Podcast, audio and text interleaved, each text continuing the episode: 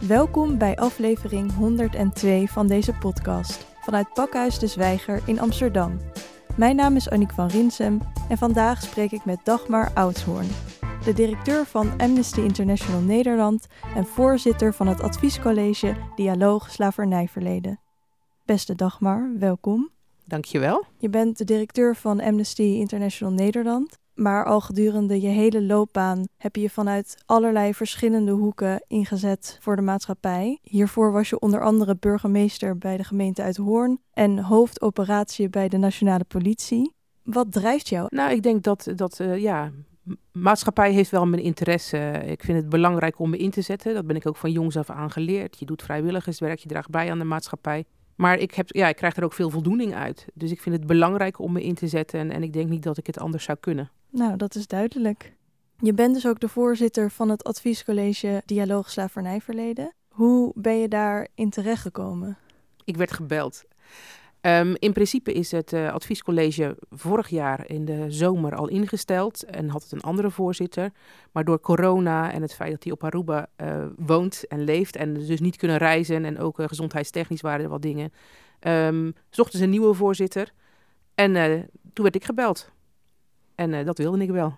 Ja, en wat, waarom dacht je toen van ja, dat zie ik ook, dat wil ik ook doen en wat wil je dan doen? Nou, ik vind het vooral een heel belangrijk onderwerp. Slavernijverleden, de gevolgen ervan. Ik ben een persoon van kleur, dus het zegt ook iets over mij en over mijn verleden. Maar ik vind ook uh, de discussie zoals die plaatsvindt in de samenleving, denk ik van, hè, dat, daar wil ik aan bijdragen en dat we daarover spreken, dat we erover nadenken. En uh, dus toen ik de opdracht hoorde, ja, toen kon ik eigenlijk niet anders dan uh, ja zeggen. Ik moest nog wel toestemming krijgen van mijn bestuur, maar daar heb ik echt wel voor gestreden om dit te mogen doen. Ja, heel mooi. En waarom is het adviescollege eigenlijk in het leven geroepen? Nou ja, kijk, het slavernijverleden is, maakt een onderdeel uit van onze geschiedenis. Maar er zijn heel veel mensen die, er, die het heel belangrijk vinden. Maar er zijn ook veel mensen die geen idee hebben of het totaal niet belangrijk vinden. En vooral de gevolgen van het slavernijverleden uh, roepen ook heel veel emoties en discussies op. En ik denk dat het heel erg belangrijk is om naar de beide kanten te kijken. Waarom is het belangrijk voor de een, waarom is het niet belangrijk voor de ander? En komt het feit dat het niet belangrijk is voort uit het kan me niks schelen, of uit racisme of discriminatie, of gewoon uit ik weet eigenlijk niet waar het over gaat, ik heb er nog nooit over, goed over nagedacht. En dan een dialoog voeren zonder elkaar gelijk hè, de maat te nemen of uh, uh, tegenover elkaar te staan, is eigenlijk om te kijken van kunnen we daar met elkaar naar kijken. En, en kennis nemen van elkaar standpunten en gevoelens bij het slavernijverleden en de doorwerking daarvan in het nu. Ja, want eh, in het onderwijs is ook wel, het wordt wel genoemd, maar misschien niet genoeg op ingegaan. Zeg maar, hoe kunnen we een beetje een inschatting maken van hoeveel mensen zich ervan bewust zijn? Nou ja, kijk, op het moment dat je dagelijks de gevolgen ondervindt, um, in de vorm van discriminatie, racisme of uitsluiting op de arbeidsmarkt, Um, dan ben je er natuurlijk bewuster mee bezig. Op het mhm. moment dat het jouw voorouders zijn die uh, slaaf gemaakt waren, dan denk je daar op een andere manier, manier over na. Dat ik denk dat dat logisch is. Maar ik denk ook dat in het onderwijs, als ik naar mijn eigen jeugd keek, wat ik over slavernij op school kreeg, het was nihil. En als het erover ging, ging het over Amerika. En nooit over Nederland. En nooit over de rol van Nederland. Dat heb ik eigenlijk allemaal zelf ontdekt. En ik denk dat heel veel mensen zo opgegroeid zijn. Mhm. En natuurlijk is het ook zo van de tegenstelling van uh, iets wat de grootste tijd in de Nederlandse geschiedenis werd genoemd, de Gouden Eeuw, mm -hmm. dat die um, als bijkomstig had dat er ook heel veel leed en onrecht werd aangedaan. Zo ben je dat niet geleerd. De helden van toen. Hè, ik ben ook geleerd, Michiel de Ruiter. Uh, um, hè, um, dat was een held. Maar er zit ook een andere kant aan die grote geschiedenis van Nederland. En dat is de geschiedenis van uh, de slavenhandel, van het koloniaal verleden. En dat heeft nog steeds een doorwerking. En wat willen je dan met dat adviescollege bereiken? Nou, eigenlijk hebben we als opdracht gekre gekregen: organiseer een dialoog. En een dialoog is wat anders dan een debat. En kijk hoe mensen kunnen praten over uh, het slavernijverleden en, en, over de doorwerking daarvan. Dat mensen openstaan voor elkaars um, gedachten en gevoelens daarover. Om te kijken eigenlijk van, ja, en wat komt daar dan uit? En uh, wij zijn dus gevraagd te organiseren van die dialogen. Um, en daarnaast zijn we ook gevraagd um, om nog wat moties die in de Tweede Kamer zijn aangenomen, om daar ook naar te kijken. Bijvoorbeeld uh, de motie Nicolai. Um, die is door uh, in de Eerste Kamer aangenomen. En die gaat over, moet er bij wet geregeld worden dat het slavernijverleden als misdaad tegen de menselijkheid wordt aangemerkt. Er moet dan ook bij wet geregeld worden dat daar een vorm van compensatie voor komt. Eigenlijk vergelijkbaar zoals dat in Frankrijk is gedaan. Dat is een stuk. Dat adviseer je aan de overheid, maar ook de gewone mensen van alle dag. Is belangrijk om te weten hoe, hoe kijken zij daar nou tegenaan? En hoe kunnen we ervoor zorgen dat dat uh, gedeelde verleden, hoe verschillend dan ook, wel kan zorgen voor een gezamenlijke toekomst. Want we wonen allemaal hier. En een gelijke toekomst. Ja, want het heet ook specifiek het adviescollege dialoog slavernijverleden. Dus het is misschien niet per se zo dat jullie met directe adviezen komen, maar dat jullie met adviezen komen over die dialoog? Nou ja, we willen vooral, kijk, in die dialogen die we organiseren komen meningen en gevoelens uh, naar boven van mensen die er iets van vinden. Uh, dan gaat het bijvoorbeeld um, over, um, is er eigenlijk wel een doorwerking? Hebben we wel genoeg kennis van het slavernijverleden? Vinden we dat daar iets aan zou moeten? Willen we het hebben over excuses? Um, en dat, dus wat we terugkrijgen van de mensen, dat moeten we um, samen met uh, um, gesprekken die we hebben gehad met stakeholders, met wat er, wat er al bekend is. Hè? Want vergeet niet, velen zijn ons al voorgegaan met dialogen over, over het slavernijverleden. Mm -hmm. En dat proberen we op te werken om adviezen te geven aan de regering van dit is de manier waarop jullie de verdere toekomst vorm zouden kunnen geven. En jij kreeg dus dat belletje van uh, ja. Dagmar, we willen heel graag dat jij dit gaat doen. Um, hoe wil je dit gaan doen? Nou, wat we hebben gedaan, de eerste gedachte zeg maar, in de opdracht zat dat we een aantal dialogen uh, zouden moeten doen in verschillende sectoren. Dus onderwijs, arbeidsmarkt, zorg, sport. Maar dat vonden we eigenlijk wat eng opgevat. Dus wat we nu gedaan hebben, is we hebben een bredere maatschappelijke dialoog. Die worden in Pakhuis de Zwijger georganiseerd, ook over verschillende thema's. Dus daar krijgen we input uit. Dan hebben we de sectorale dialogen, dus inderdaad uh, gesprekstafels met verschillende um, sectoren. En dan hebben we uh, dialogen die we organiseren op scholen. Dus de jeugd um, willen we daar ook een rol in geven. En dat gaat uh, van basisonderwijs, voortgezet onderwijs, tot MBO, HBO, universiteit. En we organiseren ook dialogen um, op het, in het Caribisch deel van het Koninkrijk. Daar zit nog een extra dimensie aan. Uh, want behalve dat zij, denk ik, nog meer de gevolgen dagelijks ondervinden van, van het slavernijverleden of van het koloniaal verleden, um, zie je ook dat per eiland eigenlijk die geschiedenis ook anders beleefd wordt. Maar ook daar zullen dialogen plaatsvinden. Dat wordt nu allemaal in de maand mei ehm, gedaan. En 1 juli willen we dan het advies uitbrengen aan de regering. En als het gaat over die motie, uh, die we doen, dat laten we, hebben we advies gevraagd aan verschillende wetenschappers en een wetenschappelijk instituut om ons daarop te adviseren. En wat voor wetenschappelijk instituut is dat? Dat is het Aster Instituut. En wat doen zij? Zij zijn een, uh, een, uh, een gerenommeerd instituut op het gebied van, van recht. Mm -hmm. En zij adviseren uh, over het stukje van moet iets bij wet geregeld worden. Dus zij geven niet een advies, zij geven verschillende mogelijkheden waarop je dat zouden kunnen doen. Um, en nou, we verwachten in deze dagen hun advies. Uit recent onderzoek van Dagblad Trouw blijkt dat inmiddels 56 procent van de Nederlanders vindt dat ons land een ernstige rol heeft gespeeld in de geschiedenis van de slavernij. Uh, hoe kijk je tegen dat percentage aan? Ik denk dat het goed is dat mensen vinden dat dat het ernstig is dat, uh, dat het, uh, ons land daar een rol in heeft gespeeld. Um, ik denk dat het hoger zou moeten zijn. Niet zozeer om het ernstig te vinden, maar um, ook gewoon om, om er gewoon kennis van te hebben.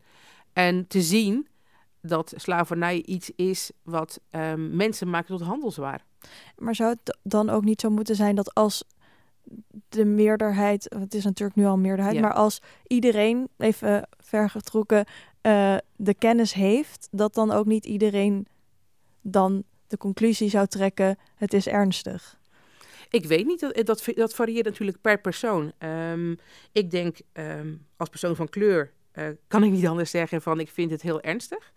Uh, maar dat komt ook omdat je met de gevolgen van het slavernijverleden um, en vormen van ongelijkheid geconfronteerd wordt. Dat maakt me niet tot een slachtoffer, maar dat is gewoon een gegeven.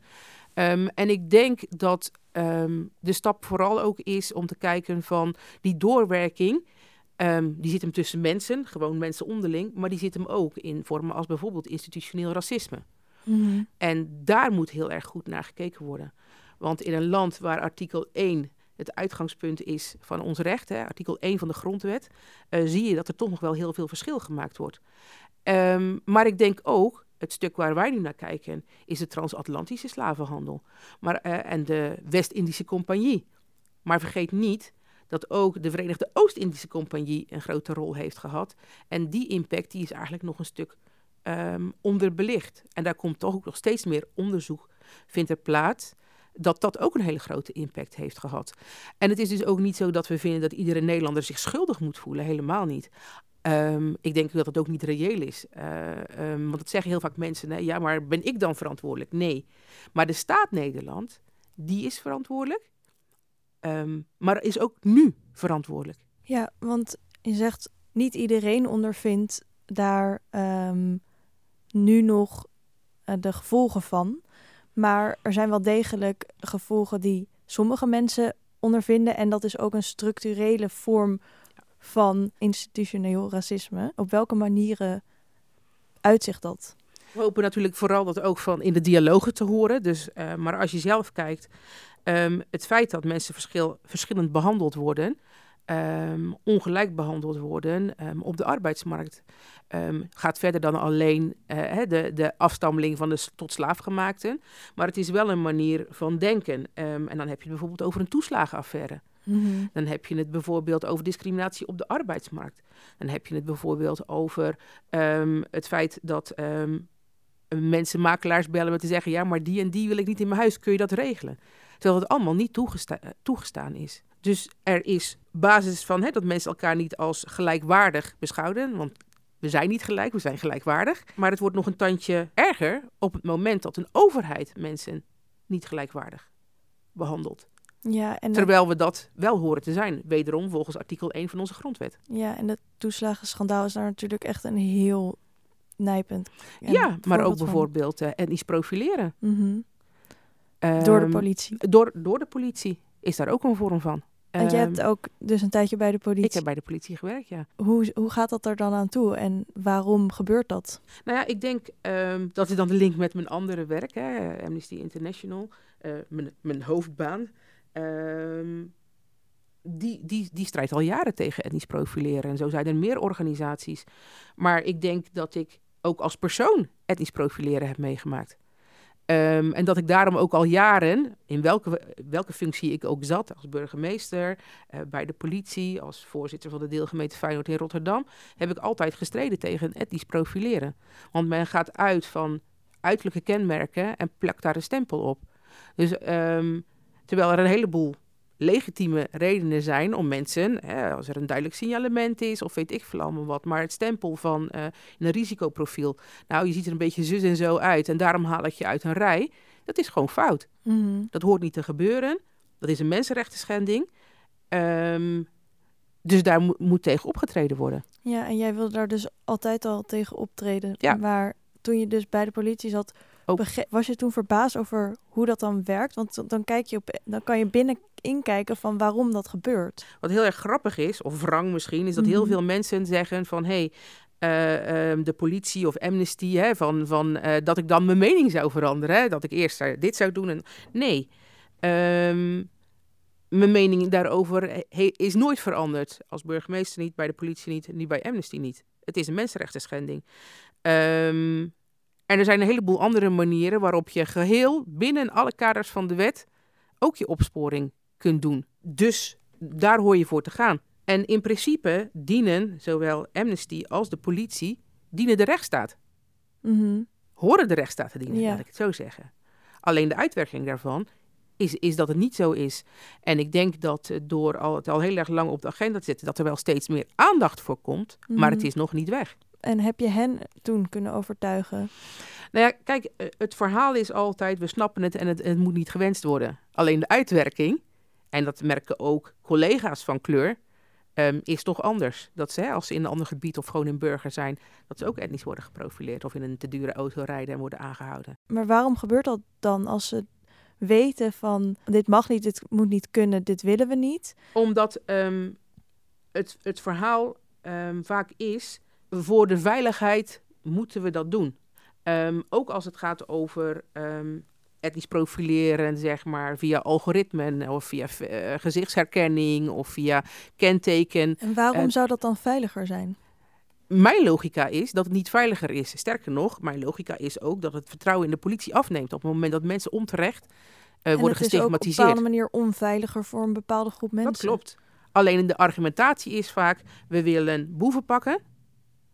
Of de veiligheid moet worden gewaarborgd. Of, en dat vinden ze dan een legitimatie. Maar zit er dan ook nog een, een verdere redenering achter waarom dat dan veiliger zou zijn? Nou ja, het, eh, eh, kijk, op het moment dat je een organisatie bent wiens taak eh, veelal wordt gezien als je moet de slechte mensen oppakken. Maar de politie heeft ook de taak om mensen te beschermen. Dus het kan nooit zo zijn dat je ehm, onveiligheid creëert of ongelijkheid creëert. Ehm, mensenrechten waarborgen moeten in, door het hele werk van de politie inzitten. En er is dus een bepaald beeld over hoe een slecht mens eruit ziet. Blijkbaar, Dat is wel chockerend. vind ik, ja. Rutte die heeft vorig jaar erkend dat er institutioneel racisme is in, de- in onze maatschappij. Is dat iets wezenlijks? Betekent dat dat het ook echt serieus wordt genomen door de meerderheid? Nou, kijk, ehm, volgens mij eh, zei hij ook dat hij niet in eh, sociologische, semantische discussies wilde belanden. Wat Mhm. me teleurstelde. Ik vind dat je als je eh, minister-president bent van een land, dat alle burgers jouw burgers zijn, ook de vervelende. Ehm, en ik vind dat je je hoort te houden aan artikel 1 van de grondwet. Ehm, en daarop moet sturen. Ehm, en toegeven, ja, het is er. Ik vond het niet een heel groot toegeven, eerlijkheidshalve als persoon. Mhm. Ehm, Dat gebeurt wel vaker bij hem. eh, dat gebeurt eh, vaker. Ehm, dat betreur ik ook net zo vaak. Eh, maar ik vind, het, ik vind het vooral. Nou ja, kijk naar de hele toeslagenaffaire. En je kan niet zeggen van ja, het vindt plaats en vervolgens dan hoor je er iets aan te doen. En is dat gebeurd? Nou ja, ik vind het niet goed genoeg. Want anders had die toeslagenaffaire helemaal niet plaats kunnen vinden. Dit mag niet kunnen. Maar het is gebeurd. Wat, zou dan, wat zouden ze hebben kunnen doen om het goed te maken? Nou ja, om het goed te maken is het vooral, hè, dat is iets waar ik het moeilijk vind om een uitspraak over te doen. En dat ligt ook ver buiten, buiten het verhaal. Maar op het moment dat je iets fout doet, moet je het recht zetten. En dan moet je het recht zetten ehm, en recht doen aan, ehm, aan de slachtoffers. En als je dan eh, dat recht doet en besluit tot recht doen, moet je ook zorgen dat je het geregeld hebt en op tijd geregeld hebt. Ehm, en, dat, en dat soort zaken. Dus ik denk dat dat heel erg eh, van belang is. En wat dan is dan van belang? Nou ja, kijk, er zijn mensen die jaren hebben geleden, eh, kapot zijn gemaakt ehm, en daar nog dagelijks de gevolgen van. En het, het, het feit dat het zo lang is ontkend, dat het heeft plaatsgevonden, eh, dat mensen zo diep in de problemen hebben gezeten en het nu nog niet opgelost is. En het feit dat daar eh, wel degelijk eh, ehm, je je af kon vragen of het alleen ging over dubbele nationaliteiten, maar over, hè, want eh, ook in het onderzoek is niet aan de orde gekomen of geen uitspraak gedaan, is het nou discriminatie of racisme wat heeft plaatsgevonden? Ehm, of heeft daar institutioneel racisme plaatsgevonden? Nou ja, daar kun je een mening over hebben, dat kun je je afvragen. Ik vind het jammer dat daar niet naar gekeken is. Ehm, en dan wordt gezegd van hè, mensen krijgen een, krijgen, eh, moeten eh, compensatie krijgen. Er wordt een datum afgesproken en hij is niet gehaald. Maar het is toch wel in de maatschappij wordt er wel gesproken over dit is institutioneel racisme. Klopt, En klopt. door heel veel politici. En, ook. maar dus, dus in het onderzoek Staat dat bewust vermeden. Ik weet niet of dat bewust is. Staat er in ieder geval het niet zou in. misschien ook bijna net zo erg zijn als het onbewust vermeden is. Nou ja, kijk, ehm, als je werkt met algoritmen, want dat is eigenlijk waar het op gedaan, dan moet je je bewust van zijn dat je vooroordelen hebt. Of ze nou bewust of onbewust zijn, daar moet je over nadenken. En je hebt als overheid heb je die taak extra. Dus, eh, wederom, artikel 1 van de grondwet. Dus je moet zorgen dat die ongelijkheden er niet in kunnen komen. Daarom zeg ik, eh, en dat is niet in mijn functie als voorzitter, maar wel als directeur van Amnesty, zeggen we ook nadrukkelijk van ja, Ehm, hier hoor je aan de voorkant een mensenrechtentoets overheen te laten gaan. Aan de voorkant, niet aan de achterkant. En op welke manier zou je dat dan voor je zien? Nou ja, dat er aan de voorkant een mensenrechtentoets plaatsvindt. Hè? Van, van op het moment dat je iets ontwikkelt, dat je dan kijkt, oké, wat zijn de mensenrechtelijke gevolgen? Dat Ja, kun je inbouwen. Zodat je het gewoon altijd zoveel mogelijk in ieder geval probeert te Juist, voorkomen. juist. Even terug naar het slavernijverleden. Want ehm, ik noemde net dat onderzoek van Trouw, waaruit dus blijkt dat de meerderheid van de bevolking vindt dat Nederland daar een ernstige rol in heeft gespeeld. Maar uit datzelfde onderzoek blijkt dat maar 31% van de mensen vindt dat ook landelijke excuses nodig zijn. Dat klopt. Maar ik denk dat heel veel mensen, en dat was wat ik net ook probeerde aan te stippen, het verschil tussen een overheid die excuses aanbiedt of een individu die dat moet. excuses worden niet aangeboden door hè, de Nederlander als individu. Als de discussie uitkomt en als de gesprekken uitkomen op men vindt dat er uh, excuses moeten worden aange aangeboden, dan is dat heel erg goed om dat onderscheid te maken.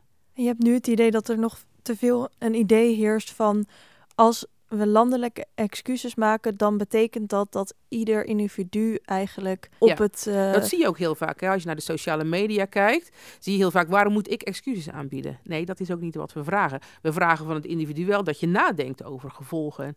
Dat je respect voor elkaar hebt, dat je op een fatsoenlijke manier met elkaar opgaat en dat iedereen hè, die hier woont gelijkwaardig is. Mm Dat mag je van een individu verwachten. Als het gaat over excuses, dan heeft dat te maken met het feit dat de erfopvolger, uh, tussen aanhalingstekens, dus de staat, dan zijn excuses aanbiedt voor dingen die in het verleden zijn fout gegaan. Maar ook als het gaat over de gevolgen, dat ze daar ook verantwoordelijkheid voor nemen en zorgen dat het niet plaats kan vinden. Dus dat vraag je niet van de buurman of de buurvrouw. Daar, daarvan mag je verwachten dat iedereen op een normale manier met elkaar omgaat, uh, elkaar als gelijk, gelijkwaardig ziet. Want het is gewoon menselijk. Mm Maar van de staat, daarvan mag je verwachten dat ze uh, wat verkeerd is gegaan of wat verkeerd gaat erkennen, herkennen en kijken hoe ze dat compenseren. En wat zou dat betekenen? Ik denk dat het vooral voor de nazaten van de tot slaafgemaakte van belang is dat men ziet wat er is gebeurd, dat men ziet dat het een impact heeft. Dus het herkennen en het erkennen, zodat je ook gezamenlijk verder kunt. En ook erkennen dat het ons gezamenlijke verleden is het goede en het slechte. En wat zou dat dan teweeg brengen als we dus erkennen dat het ons gezamenlijke verleden is? Nou ja, ik denk ook wel uh, het gevoel van, van, van zien wat voor leed er is aangedaan. En dat mensen zijn gemaakt tot handelswaar. En ik denk dat dat stuk erkennen, met de verschillende rollen die er zijn, dat dat helpt om tot heling, tot emancipatie, tot groei um, over te kunnen gaan. En hoe werkt dat? Volgens mij is dat heel moeilijk. Want kijk, dit is ook niet het eindpunt. Zoals ik zeg, als adviescollege, dialoog, slavernijverleden, staan wij op schouders van, van vele uh, mensen, groeperingen die uh, hier al dialogen over hebben gevoerd. Die um, uh, het belang van het erkennen, het herkennen, het verwerken van het slavernijverleden al lang op de agenda hebben willen zetten. Maar die discussie die is natuurlijk niet klaar. Mag je van de gewone Nederlander verwachten dat zij hier een grote rol in spelen? Um, alleen als het gaat over de menswaardigheid van, van hè, de menselijke kant, uh, mensen fatsoenlijk behandelen, uh, gelijkwaardig behandelen, dat mag je van de gemiddelde persoon, mens, eigenlijk verwachten. Um, als het gaat over die verdere stappen, maar, uh, um, hoop ik dat ons um, advies niet ergens in een la belandt. En daar gaan we ook uh, hopelijk voor zorgen met al het werk wat wordt gedaan. En dat we die stemmen die ons zijn voorgegaan alleen maar kunnen, misschien extra kunnen versterken.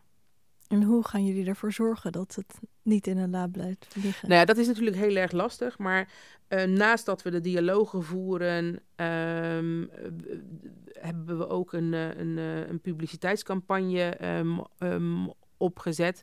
Waarin mensen eigenlijk kunnen zeggen van ik wil me hier ook voor inzetten. Dus door um, ook dus gewoon in de maatschappij uh, mensen bewust te maken en te committeren. Maar ook door um, inderdaad uh, de combinatie van wetenschappelijk onderzoek, uh, stemmen, dialogen, um, versterken, het momentum gebruiken door het neer te zetten. Alleen de garantie dat het niet in een la verdwijnt, die heb je nooit. Ehm, maar ons voornemen is om te zorgen dat, dat we dat er niet in komt. Mhm. Kunnen we dat realiseren? Dat weet je niet, maar daar gaan we in ieder geval aan werken. Je maakt een heel duidelijk onderscheid tussen dus de mensen die gewoon menselijk moeten zijn en zijn, en de staat die verschrikkelijke dingen kan doen en ook heel veel goede dingen doet, gelukkig. Alleen is het ook zo dat de staat vaak acteert naar wat er leeft in de maatschappij. Klopt. En wat je bijvoorbeeld ook zag met de Zwarte Pieten discussie, is dat er pas echt een standpunt uh, is ingenomen nadat er al vanuit de maatschappij steeds meer en steeds meer en nog meer en nog meer uh, over is gepraat. Dus dat klopt en dat is eigenlijk ook precies wat er verkeerd is. Op het moment dat je mensenrechten schendingen ziet, um, moet je niet zeggen, ja, dat laten we over aan de maatschappij. Mag je daar ook best het voortouw in nemen. Ja, als overheid. Als overheid. Dus ik vond het een beetje ehm, flauwe discussie door elke keer te zeggen, ja, we wachten wat de maatschappij doet. Want dat voedt ook de polarisatie. Ehm, en als het gaat over de Zwarte Pieten discussie, en natuurlijk is het ook een proces. Hè, wat er doorgemaakt moet worden, omdat heel veel mensen de figuur nooit hebben gezien als een racistisch figuur. Maar het feit dat er dus heel veel mensen last hebben van die figuur, of niet meer kunnen genieten van, van uh, het feest wat het zoals het misschien bedoeld is. Maar er zitten bijeffecten in. En dan kun je net zo goed inderdaad denken, ik heb, ik heb ook vrienden die gewoon zeggen van, ik heb er nooit zo over nagedacht. Maar als het jou kwetst, waarom passen we het dan niet aan? Mhm. En um, dat initiatief had natuurlijk ook best genomen kunnen worden door de overheid. En wat moet er gebeuren zodat de overheid dus daarin proactiever wordt?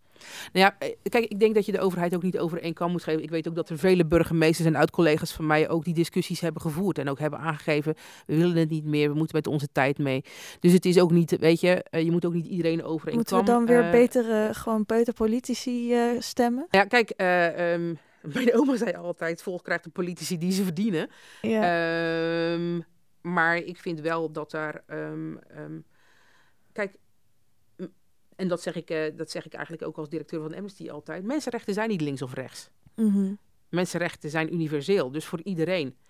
En het schenden, hè, discriminatie, racisme, in welke vorm dan ook, colorisme, zijn allemaal dingen die niet zouden moeten plaatsvinden. En daar heb je een verantwoordelijkheid voor, gewoon als mens, naar je medemens. Maar je hebt er ook een ver verantwoordelijkheid voor als overheid, die een taak heeft ook om A, zijn eigen inwoners gelijk te behandelen. Tenminste, dat zeggen we, want we hebben de grondwet. Um, dus, dus die taak heb je. En dan heb je dus ook de taak om mensen daarin te beschermen. En ook te luisteren naar de stem van de minderheid. Zonder de meerderheid weg te zetten, allemaal als racisten. Want dat wil ik ook niet zeggen. Nadrukkelijk niet. Um, want ik ken genoeg mensen die inderdaad er nooit over hebben nagedacht van... goh, misschien is dat niet zo fijn of nooit zich hebben gerealiseerd... dat er kinderen gepest worden of uitgescholden worden als Zwarte Piet of, of wat dan ook. Maar er zijn ook mensen die zeggen... het is ook een beetje de verantwoordelijkheid van de witte Nederlander... om zich daarin te verdiepen. Ja, dat, dat weet ik, dat, dat, dat er daar heel veel mensen in, uh, in zijn. Ik denk dat, het voor, dat dat niet alleen exclusief is voor de witte Nederlander... Um, maar ik denk ook dat het helpt als het mensen wordt aangereikt meer. Um, dus dat het op scholen, uh, ja. dat er onderwijs in zit, dat het op de lerarenopleidingen wordt gegeven, dat het beter in de, de kanon, hè, dus uh, wat ga, geven we in de geschiedenis, dat het daar beter wordt, wordt opgenomen. Dat er musea zijn waar je ook naartoe kunt gaan om daar kennis over te uh, verwerken. En dat als die kennis en uh, dat dat ook niet alleen voor, vanuit een uh, eurocentrisch um, oogpunt is. Ja, dus dan komt het dus ook weer vanuit de overheid moet er dan iets... Ik vind dat die daar een belangrijke rol in hebben, ja. Je zegt heel duidelijk ook, mensenrechten kwesties zijn niet links of rechts. Maar is het dan zo dat bepaalde thema's in een hokje worden geduwd van links of rechts, waardoor het een heel erg soort touwtrekken wordt? Waardoor ja, de... vaak wel. Kijk, um, neem van mij aan discriminatie en racisme uh, colorisme is niet voorbehouden aan alleen uh, mensen in de rechterhoek van het politieke spectrum. Er zit natuurlijk een groep in die, als je het hebt over extreemrechts, mm -hmm. maar als het gaat over uh, vooroordelen, bias, microagressies, hè, is niet voorbehouden aan specifieke groepen. Kijk, op het moment dat je um, puur zang racist bent, ja. Maar er zit nog een hele grote groep bij die um, misschien ook wel denkt dat uh, het ene hè, van, onbewust denkt van nou, uh, ik pak mijn tas iets steviger vast op het moment dat er gekleurde mensen achter me lopen. Um, of um, als je in de kranten denkt te lezen dat alleen maar een bepaalde groep eh, crimineel is om daarna te gaan handelen. Is echt niet voorbehouden. Alleen aan, dat is voorbehouden aan heel veel mensen. En dat, daar moet je ook dus ook over nadenken. En dat gaat ook over hoe behandel je vrouwen? Hoe behandel je zwarte vrouwen? Als je kijkt in de politiek, vrouwen worden vaak gezien, uh, nou, als je een beetje sterk bent, een beetje bitchy of uh, ben je geïrriteerd. Of, uh, dus er zitten een heleboel patronen in een samenleving die breder zijn dan alleen te versimpelen tot links-rechts. Ja, en hoe zie je de rol van de media daarin? Ik denk dat de media soms de, de, de polarisatie voedt. En het verschilt ook wel per medium. Ehm, je, je hebt um, hele kritische media die heel inclusief denken en heel inclusief werken, maar vaak worden neergezet dan als activistisch. Maar ik denk dat er ja, toch wel breder gekeken naar zou moeten worden van ook daar de uitingen of de woorden of de koppen die je gebruikt, de chocoladeletters die er soms boven staan, om je daar meer bewust van te zijn. En dat is een proces. Mhm. En ook binnen media zou je kunnen kijken van eh, dat je diversiteit als een verrijking ziet in plaats van een bedreiging. Ja, precies. Want je hebt uh, heel recentelijk is Omroep Zwart in het leven geroepen. Klopt. Uh, en je hebt al een tijdje hebben we bijvoorbeeld One World, die Klopt. allemaal echt expliciet ook voor mensenrechten zijn. Ja. um, ik, kan, ik kan er wel van uitgaan dat de meeste media wel voor mensenrechten zijn. Maar zij doen dat nog wat beter soms. Nou, ik denk dat ze dat. Zij hebben het als uitgangspunt. Vinden sommige mensen ook echt spannend, hè? Van waarom heet omroep zwart, omroep zwart? Als je dan aan ze vraagt van waarom heet omroep zwart, omroep zwart. En ze zeggen ja, als je alle kleuren mengt, kom je op zwart uit. Uh, hè? Want het, eigenlijk is zwart natuurlijk geen kleur. Dat vind ik een, een mooi statement eraan. Maar heel veel mensen zien het van nee, het is een omroep voor zwarte mensen. Mm Dus, dus dan heb je gelijk al heel veel vooroordelen daartegen. Maar ik denk dat verschillende omroepen, verschillende media belangrijk zijn. Al zou het fijn zijn dat er breder wordt nagedacht over diversiteit en inclusie omdat mensen ook de neiging hebben om hun eigen media, medium te volgen. Mm een heleboel van de kranten zitten eigenlijk nog een beetje in de oude zuilen van vroeger, toen ik opgroeide. Want als je dan uh, nou ja, links was, dan las je die krant. En als je katholiek was, dan las je die krant. En als je uh, um, liberaal was, dan las je die krant, uh, de verzetskranten. Uh, ja, diversiteit is een gegeven. Misschien zouden we dan ook een vak in pluriforme zienswijze of zoiets. Dat mensen leren dat het verrijkend is om buiten je wat je kent te lezen en te kijken en te luisteren. Ja, en, dan, en op basis daarvan inderdaad te kijken van... hey, blijf ik hetzelfde denken of wil ik mijn denkbeelden bijstellen? En je bewustzijn van iedereen heeft vooroordelen. Uh, maar het feit van dat je er bewust van bent en nadenken van zou ik het zelf prettig vinden, helpt ook al. Hè? Van uh, mijn oma die zei vroeger, uh, wat u niet wil dat u geschiet, dat doet ook een ander niet. Vind ik nog steeds een heel mooi uitgangspunt. We hadden het al eerder over het onderwijs, namelijk dat daar niet zoveel aandacht is en al helemaal niet voor het Nederlandse slavernijverleden. Is dat veranderd in de afgelopen jaren? Is het al beter? Wat kan er nog beter? Ik denk dat er wel in veranderd is. Um, maar ik denk dat het nog steeds wel beter kan. Um, om de verschillende delen van het slavernijverleden, van de geschiedenis, van de gedeelde geschiedenis, om dat te beschrijven. Hoe ging het? Waarom was het? Um, hoe, uh, hoe kwam het dat hè, mensen dachten van nou, uh, we kunnen anderen gebruiken als handelswaar? En je ziet ook in de onderzoeken dat dat be bewuste keuzes zijn geweest. En ik denk dat stuk, en ook de Nederlandse uh, rol in dat geheel, dat dat gewoon heel erg belangrijk is om dat, om dat um, beter te doen. Maar je ziet dat er wel groei is. Hè? Als je kijkt nu in de musea. Um, helaas dicht door corona, maar er staat een hele mooie tentoonstelling te wachten in het Rijksmuseum als het gaat over het slavernijverleden. Het Mauritshuis is ermee bezig, in Groningen zijn ze ermee bezig. Verschillende steden denken over na, laten onderzoek doen, variërend van um, Amsterdam en Rotterdam. Uh, maar ook bijvoorbeeld een plaats als uh, Vlissingen, waar Michiel de Ruiter vandaan kwam. En als het gaat om representatie in het onderwijs, maar ook daarbuiten, is daarmee gesteld in Nederland? Nou ja, ik denk dat het steeds meer komt en dat je steeds meer um, representatie um, gaat krijgen. Um, en dat het ook goed is om daarnaar uh, te streven. Zonder Waarom dat is het, het een... zo belangrijk? Nou ja, um, als ik naar mezelf kijk, ik ben opgegroeid als kind van een, uh, een, een, witte moeder en een zwarte vader. Ik ben half Nederlands, half Surinaams.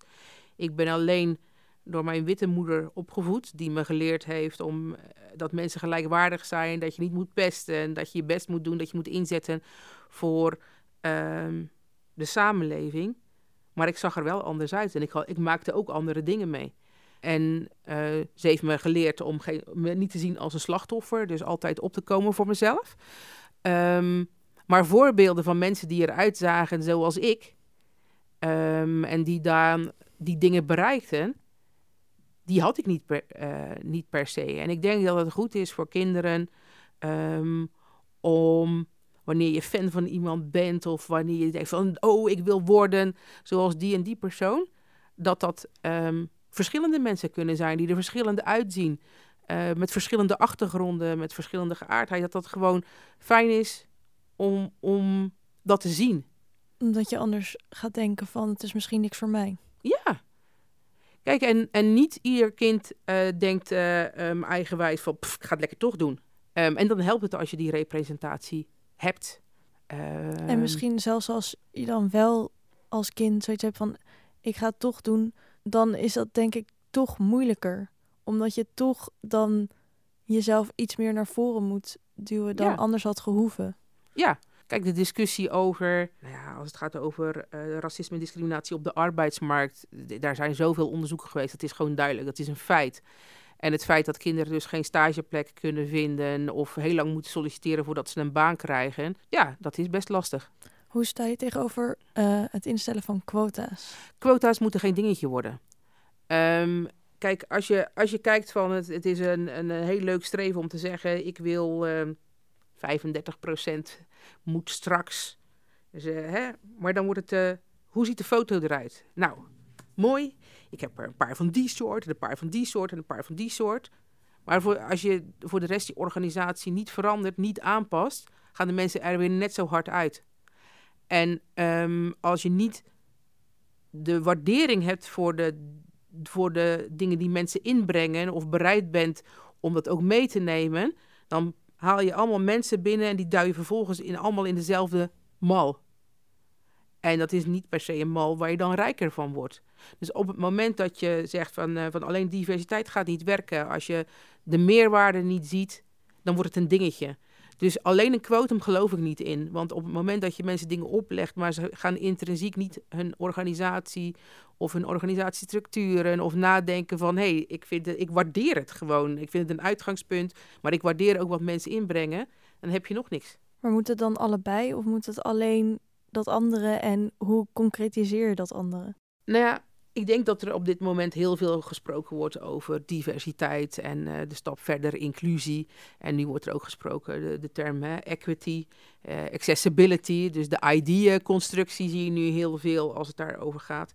Maar dat is eigenlijk waar het om gaat. Het gaat niet alleen over dat je uh, diversiteit, dus hè, de, de meerwaarde ziet van mensen met verschillende achtergronden, culturen, situaties, seksuele georiënteerdheid. Um, enzovoorts. Maar dat je dus inderdaad ook denkt van nou, wat ze inbrengen, dat waardeer ik en dat zie ik als een meerwaarde. Maar ook nog de mogelijkheid geeft om mee te praten, mee te doen. Um, en te zorgen dat iedereen ook toegang heeft tot beslissingen die genomen hebben enzovoorts. Dus het gaat verder dan alleen simpel het neerzetten van poppetjes. En eigenlijk kun je ook wel zien dat dat dus niet werkt. Politie is daar bijvoorbeeld wel een voorbeeld van. Uh, je kan ze binnenhalen, maar hou je ze ook. En dat gebeurt niet. Er, stromen ook weer heel veel mensen uit. Geldt overigens niet alleen voor mensen van kleur, geldt ook voor zij-instromers. En dat zie je wel in meer organisaties. En komt dat dan omdat er een bepaalde soort normativiteit is over... Ja, een bepaalde mores. En, die, en, uh, ja, en uh, dan kom je binnen en dan moet je je eigenlijk vaak conformeren aan de mores die er binnen een organisatie of, uh, is. Terwijl juist de meerwaarde ook kan zijn van... hé, hey, misschien als je iets al zoveel jaar hetzelfde doet... Um, is het wel eens heel verfrissend dat je andere ideeën en andere denkbeelden, al was het maar om, te, hè, van, om elkaar scherp te houden, om, om te vernieuwen, om wat is de morris bij de politie dan? Nou ja, de, de, kijk, ik ben niet weggegaan bij de politie omdat ik, het, uh, omdat ik daar niet naar mijn zin had. Um, wel omdat ik veranderingen vrij langzaam vond gaan en daar ben ik iets te ongeduldig voor, denk ik. Maar wat je wel ziet is, ik kwam als zijinstromer bij de politie. Werd aangenomen niet um, om het feit dat ze dachten van, nou, die gaat de straat op om boeven te pakken, zoals dat vaak wordt gezegd. Maar ik moest wel leren schieten. En ik moest wel de fitheidstest doen. Zat daar maar meerwaarde in? Ik denk het niet. Dat is gewoon, dat hoort erbij. Dat hoort erbij. Uh, het verslijten van de blauwe broeken, zo heet dat wel. Um, en gelukkig zie je dat er steeds meer mensen zijn die wel de meerwaarde zien van, van, hè, van, van verschillende invalshoeken, ook binnen de politie. Maar de mores heerst nog heel erg. Het is dus bewezen dat er discriminatie plaatsvindt op de arbeidsmarkt. Er is institutioneel racisme in Nederland en in de hele wereld waarschijnlijk. Maar we zien ook wereldwijd ontkenning van die zaken en ontkenning van racisme. Hoe kunnen we dat begrijpen? Ik, ik, vraag me het wel eens af dat een soort met van golfbeweging in de geschiedenis is. Dan is er iets ernstigs gebeurd. Dan zijn mensen, dan zegt iedereen van, oh jee, nu moeten we iets doen. Zie je Tweede Wereldoorlog, uh, dan zie je dat alle mensenrechten opkomen. En dat hoe verder dat weer weg is, of hoe verder weg van je eigen gemeenschap, je eigen leven het is.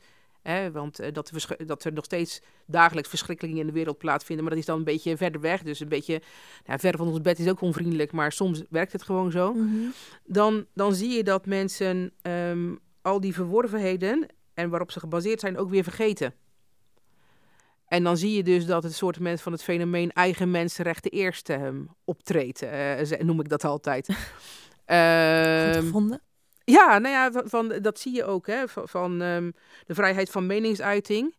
Uh, die wordt heel vaak gebruikt om te zeggen: ja, ik mag zeggen wat ik wil, maar jij mag het niet. Recht op demonstratie. Ja, ik vind dat wel, maar jij moet dat anders doen. En dus dan zie je dat men zich weer terugwerpt of zo, of terugvalt op de eigen kring en het beter voelen en het veiliger voelen. En dat heel veel weer wordt gezien als bedreigingen.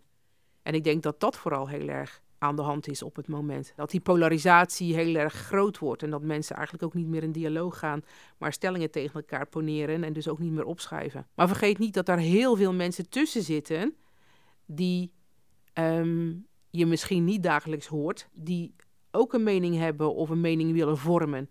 Maar we hebben de neiging om alleen te luisteren naar degene die of het extreme een of het extreme andere zijn.